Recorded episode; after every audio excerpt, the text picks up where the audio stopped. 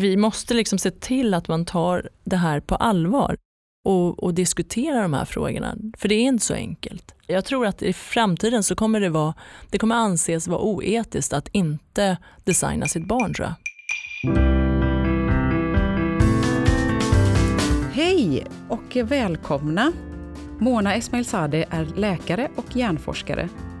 Idag ska vi träffa henne och diskutera precisionsmedicinens etiska utmaningar. Och kanske kommer det samtalet att dra åt ett rätt så filosofiskt håll. Ja, vi får se. Välkommen Mona till Precisionspodden. Tackar. Det känns jättekul att ha dig här. Du är hjärnforskare och eh, en tv-profil som vi känner igen från tv. Eh, du har en väldigt positiv och ljus syn på livet och framtiden och det gillar vi. Mm. Mm. Vad är det med kombinationen människa, hälsa och teknik som fascinerar dig? Alltså I grund och botten så tror jag att det, är, det som fascinerar mig det är människans kreativitet och att vi liksom kan omvandla det omöjliga till någonting möjligt. Ja, att vi människor liksom av kött och blod och med alla våra brister eh, faktiskt har tagit fram teknologi som gör att vi i framtiden kan bli kanske nästintill odödliga. Hur väcktes ditt proaktiva förhållningssätt till hälsa? Ja, alltså som barn så var jag väldigt omringad av död. Liksom, vi eh, flydde ju från Iran, jag och min familj. Eh, jag var knappt tre år. Det var en väldigt dramatisk flykt. Eh, minus 25-30 grader på hästrygg i ja, farliga bergstrakter från Iran till Turkiet. Och vi överlevde knappt. Så det var liksom mycket trauman och det var, det var mycket död. Många vi kände blev arresterade och avrättades och så vidare. Så att jag tror att min det att vara så omgiven av döden gjorde mig väl lite besatt av liksom livet mm. och konsten att leva. Och eh, Det här mer proaktiva tror jag väcktes i mig när jag hade jobbat som läkare några år och kände att eh, jag var väldigt frustrerad över att det kom in människor som var döende i sånt som vi egentligen hade kunnat förhindra. Eh, så det var väl liksom min frustration som ledde till att jag gick mer i de spåren. Jag menar en hjärtinfarkt eller cancersjukdom uppstår ju inte över en natt utan ofta är det en lång process och där har man liksom en chans att faktiskt att upptäcka och, ja. och, ta hand om det till tidigare Precis. stadier än vad man ofta gör då. Ja. Tidigare tycker jag att det inom sjukvården har varit väldigt konservativt och det är det fortfarande egentligen att man har en mindset som bygger mycket på att vi, um, ja, vi gör väl det bästa av situationen när det väl redan är ganska sjukt så att säga. Men i min värld så jag ser det ju lite som att jag menar, vi besiktar våra bilar på något sätt. Så varför inte besikta vår kropp nu när vi kan det? Jag menar, traditionellt sett har vi inte kunnat det. Eh, men vi får inte låta oss leva kvar i gamla vanor bara för att vi, det är bekvämare på något sätt. Så det är viktigt att ta till den nya teknologin för att se till att människor inte behöver lida i onödan. Tror du att vi är redo för det då? Alltså, vi patienter, nu säger jag vi då, men det, mm. alltså patienter i Sverige, är man tror, liksom redo att börja göra det? Jag tror patienterna är mycket mer redo än vårdgivarna tyvärr. Så den enskilde patienten idag, behöver, behöver man känna oro tycker du? Eller vad? Som patient? Som patient ja. Jag tror att mm. man behöver känna sig otroligt lycklig över att man lever just i den här tiden. För att oavsett vad man har för hemsk sjukdom så har det aldrig i hela världshistorien funnits större chans till att till och med sånt som man tror är helt kört. Jag menar, se på de här på senaste eh, Nobelpriset i medicin. Jag känner personligen en person, en ung människa, småbarnspappa som hade skrivit sitt testamente för att han väntade på att dö av sin cancersjukdom som hade spritts. Och råkade vara med i just en sån här studie där man använde den här medicinen och han blev liksom helt, man kunde inte hitta cancertumörer efter behandling hos honom. Så att han gick ju från i princip död till liv. Så nu kan han börja fantisera om att faktiskt få se sin dotter gifta sig en dag eller vad man nu längtar efter som mamma eller pappa. Så att jag, jag tror att man ska vara orolig för att råka tänka för mycket negativa saker. Man ska vara orolig för att deppa ihop. Men man ska säkra upp det med alla de här hjärntricksen man kan ta till, se till att ha det bra socialt, se till att ha nära och kära runt omkring sig, se till att prata om saker, se till att söka andra personer som kanske har varit med om och, och det verkligen har varit svårt för men det har gått bra för. Och se till att hänga med och pusha läkarna till att också hänga med.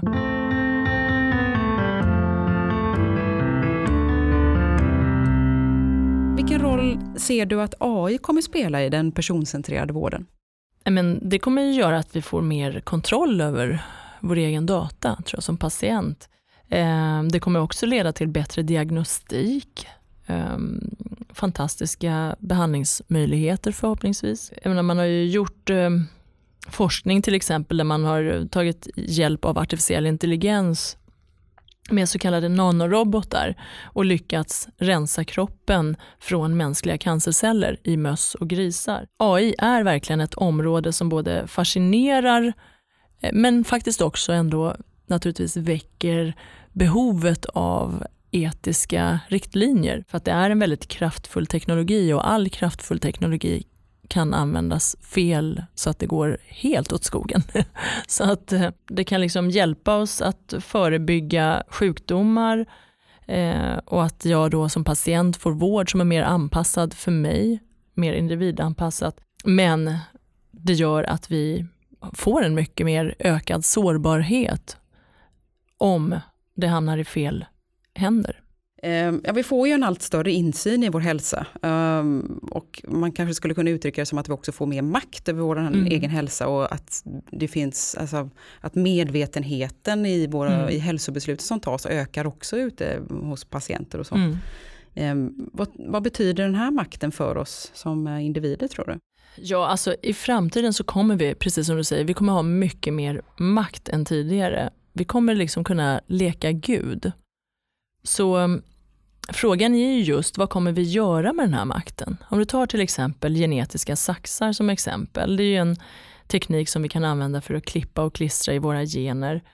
Eh, och den här tekniken kan potentiellt bota världssvälten. Vi skulle kunna använda den för att klippa bort cancergener, eh, bota Alzheimer, se till att barn inte behöver födas blinda och så vidare. Malaria har man väl pratat om också? Absolut. Mm, ja.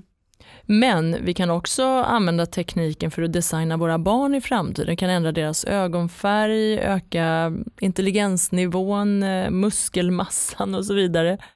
Eh, så frågan är verkligen, var drar vi den här gränsen? Och det är verkligen inte en lätt fråga.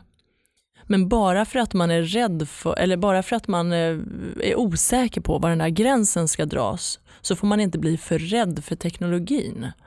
Eh, utan den måste få utvecklas och så behöver man ändå redan nu faktiskt, för jag menar, tekniken är här. Så vi är lite sena på bollen som de säger i Danmark, jag vet inte om man säger så på svenska. Ja, ja. så att vi, vi, måste liksom se till att man tar det här på allvar och, och diskuterar de här frågorna. För det är inte så enkelt. Jag, jag tror att i framtiden så kommer det, vara, det kommer anses vara oetiskt att inte designa sitt barn tror jag. Så pass. Det är ju rätt... Eh, jag tror det. Alltså, nu sticker ut hakan. Ja, men det, det är ungefär som, eh, är det inte oetiskt att inte låta sitt barn gå i skola eh, och få de bästa förutsättningarna? Är det rätt att lägga mer eh, makt hos patienterna? Då? Ja, det tycker jag absolut. Absolut. Jag tror att det kommer vara liksom som en del av våra mänskliga rättigheter i framtiden. Att jag ska ha makt över min hälsa. Det ska alla människor få ha. Mm. Men, men kommer alla ha samma, ha samma möjlighet att göra det tror jag? jag tänker, för det man pratar om är ju mm. den här risken att det blir liksom, eh, klyft, ytterligare klyftor i samhället. Eller ja, liksom. nej, nej, precis. Alltså jag tror teknologi är det som minskar klyftorna mest i samhället. Eh, för att teknologi kommer göra att allting demokratiseras men också demonetiseras, alltså det blir gratis till slut. Du vet en, en mobil som ingen hade råd med har du i fickan idag och eh, så kommer det vara med allting annat. Att klippa och klistra i gener kommer, kommer vara någonting du har i skafferiet. Liksom. Det kommer inte vara så märkvärdigt. Men det känns ju som att vi inte riktigt är där mentalt idag. Det finns ju väldigt mycket diskussioner kring det som sker inom genteknik och så Mm. just nu. Så att, jag vet inte, vi Jag kanske tror det behöver... är, faktiskt, ja, men det är den största faran egentligen. Mm. Att vi tror att det kommer, men vi är ju här. Liksom. Mm. Vi måste börja ta tag i det. Vi kan inte Ja, och vi kan heller inte tro att någon annan gör det, för vi måste se till alla på något sätt att bidra till den diskussionen. Och våra politiker måste i högsta grad börja tänka på det här. Jag menar, vi pratar om AI, men vad finns det för strategi på nationell nivå för AI? Hur mycket kronor har man satsat på det? Och så vidare. Vi står oss inte alls särskilt väl på världsarenan just nu. Mm. Och om vi, alltså vi måste ta det på allvar för Sveriges framtid helt enkelt och vår egen säkerhet. Vad finns det andra för liksom, etiska frågor? Egentligen så tror jag att alltså, nästan, jag brukar ju tjata om kunskap liksom. Men jag tror verkligen att det är nyckeln till allt på något sätt. Därför att om du inte har kunskap och det spelar ingen roll om du är politiker hur pass högt uppsatt du är och inte. Om du inte har den kunskap som krävs för att du ska kunna ta rätt beslut. Ja, då, då har du inte det. Och då kan det gå verkligen åt skogen. Och, så att jag, jag tror verkligen att det handlar om att eh, vi har ett etiskt ansvar att se till att man faktiskt satsar inom de här områdena.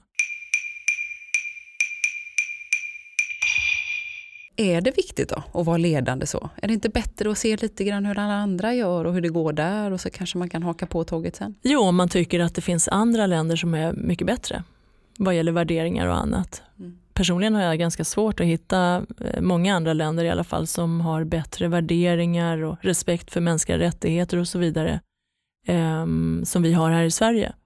Personligen skulle jag hellre exportera våra värderingar än att importera från många andra länder i alla fall. Om du vill spå in i framtiden då, vad, vad tror du att vi är på väg med precisionsmedicinen? Ja, men alltså jag tror att det blir, allting blir mer individanpassat och vi får som sagt fler möjligheter, vi får mer makt och det är verkligen den enda rationella vägen att gå. Eh, menar, både om man tänker på att minska människors lidande men också av rent ekonomiska skäl. Eh, vi har helt enkelt inte råd att låta människor vara sjuka.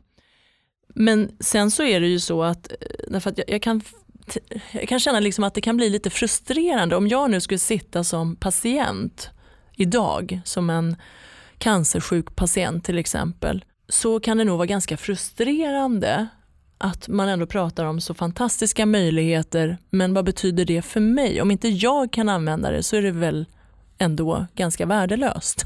Så att, och, och det tror jag att det får man heller inte glömma bort att det finns naturligtvis ett stort lidande idag och det tröstar inte mig att precisionsmedicin är jättebra om inte jag faktiskt personligen kan ta del av det.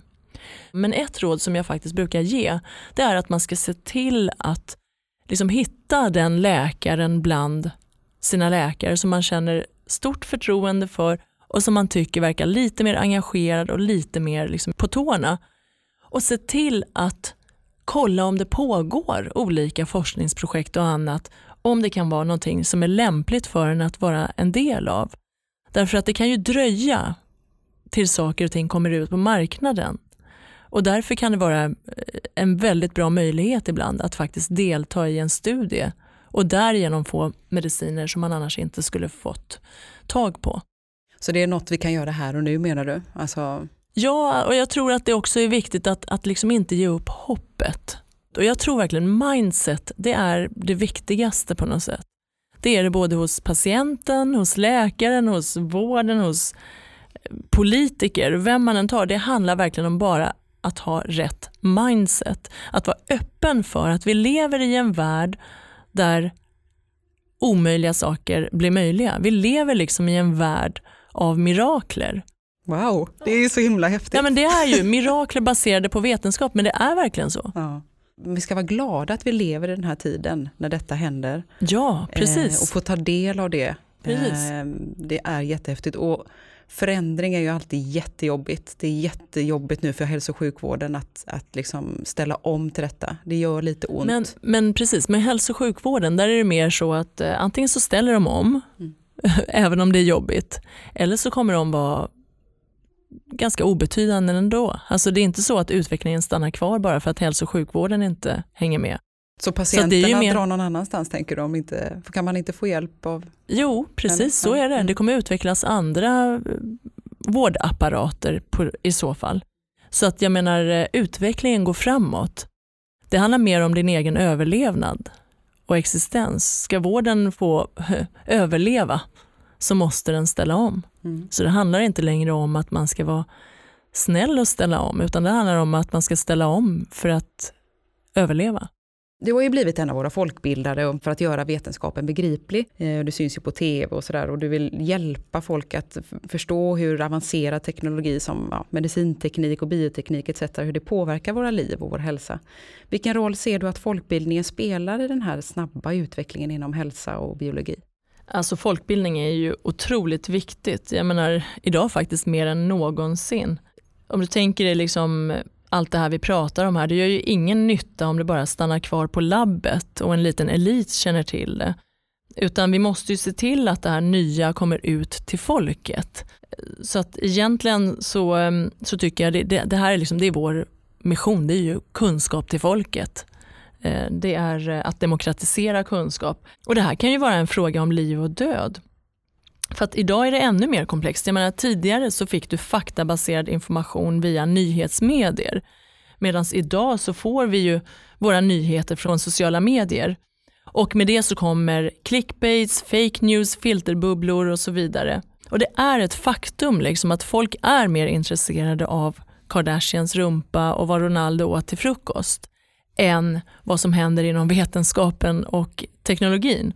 Och, och, det är ju faktiskt det roligaste som finns. Ja, men det finns ju ingenting som är häftigare än vetenskap. Nej. egentligen. Och nu ingenting fel på Kardashians rumpa, för jag menar, det måste man ju erkänna. Den är ju faktiskt väldigt, väldigt vacker. Men, och det är heller inte folks fel att de liksom råkar sitta fast i Kardashians rumpa, utan det handlar ju om att hjärnan dras till det här som lite belönande och trevliga, eh, medans all liksom, information som kommer som handlar om viktiga saker kommer på så ett otroligt tråkigt sätt så att människor stänger av. Så där ser jag liksom att vi har en slags plikt att verkligen se till att det paketeras på ett sätt som gör att det konkurrerar ut Kardashians rumpa. Jag tror att eh, den största, den enskilt största grejen som gör störst effekt för jämlikhet och även om du tittar historiskt, det är teknologi. Den tekniska utvecklingen, det har en mycket större effekt än allt annat sammanlagt som har gjorts för kampen för ett jämlikare samhälle. Det finns ingenting som har eh, demokratiserat även den biten mm. så mycket som mm. teknologins framfart. Mm. Precis, man ser ju där till exempel eh, alltså olika typer av eh, gen, alltså DNA-analyser, gensekvensering och sånt där. Det är, det, är ju, det är ju samma utveckling där som i många andra liksom, teknologiska områden. Att kostnaderna går ju liksom Absolut. ner hela tiden. Jo men både det men också om du tänker hur, hur kom det sig att kvinnorna kom ut på arbetsmarknaden? Mm. Vi fick liksom p-piller så att de kunde styra när de blev gravida och inte. Så att kvinnor kunde jobba eh, och så vidare. Det finns otaliga, liksom, eller ta till exempel eh, elektricitet och maskiner som gör att du inte behöver lika mycket muskelstyrka och så vidare. och så vidare. Så utan teknikens framfart så skulle det ju vara exakt samma strukturer som det var för grottmänniskorna. Mm. och eh, var vi än befinner oss idag så tror jag att eh, framtiden, alltså teknologin kommer att göra att vi blir mycket mindre intresserade överhuvudtaget av kön. För att det blir irrelevant när du har teknologi som gör att du kanske till och med inte behöver bli gravid när du ska föda barn. Jaha. Som är viktigt för vår identitet, vi som, som lever här och nu idag, men som kanske inte blir lika viktigt Nej, för kommande precis. generationer. Det kanske blir jämställt och jämlikt på riktigt. Ja. Att männen får bära på den här kulan av kuvösen som det här lilla livet ligger i. Man kanske får dela den mellan sig, vad vet jag. Ja, det hade ju varit men, eh, ja. men oavsett, det betyder ja. att jag slipper kräkas varje dag i nio månader och eh, ja, då kanske jag hade skaffat 18 barn istället. eh, sen har vi en fråga som vi ställer till alla som är med i podden. Om du ser tillbaka till det här samtalet som vi nyss har haft här nu. Beskriv en av de känslor som du får i kroppen när du tänker på precisionsmedicin. Alltså man skulle ju kunna bli arg, liksom känna sig arg och på att saker och ting går trögt till och att vården är trög och framförallt arg på att våra politiker inte tar större ansvar för framtiden. Men jag väljer nog att eh, känna glädje och hopp. Ehm, för att vi har verkligen aldrig levt i en bättre värld. Och vi har en framtid som är ljus. Vi kan idag göra mirakel baserade på vetenskap och vi kommer att se väldigt många fler av dessa mirakler. Så man kan liksom inte ge upp hoppet utan vi måste alla försöka jobba på och bidra för att se till att allt det där fantastiska händer. Tack Mona. Tack själv.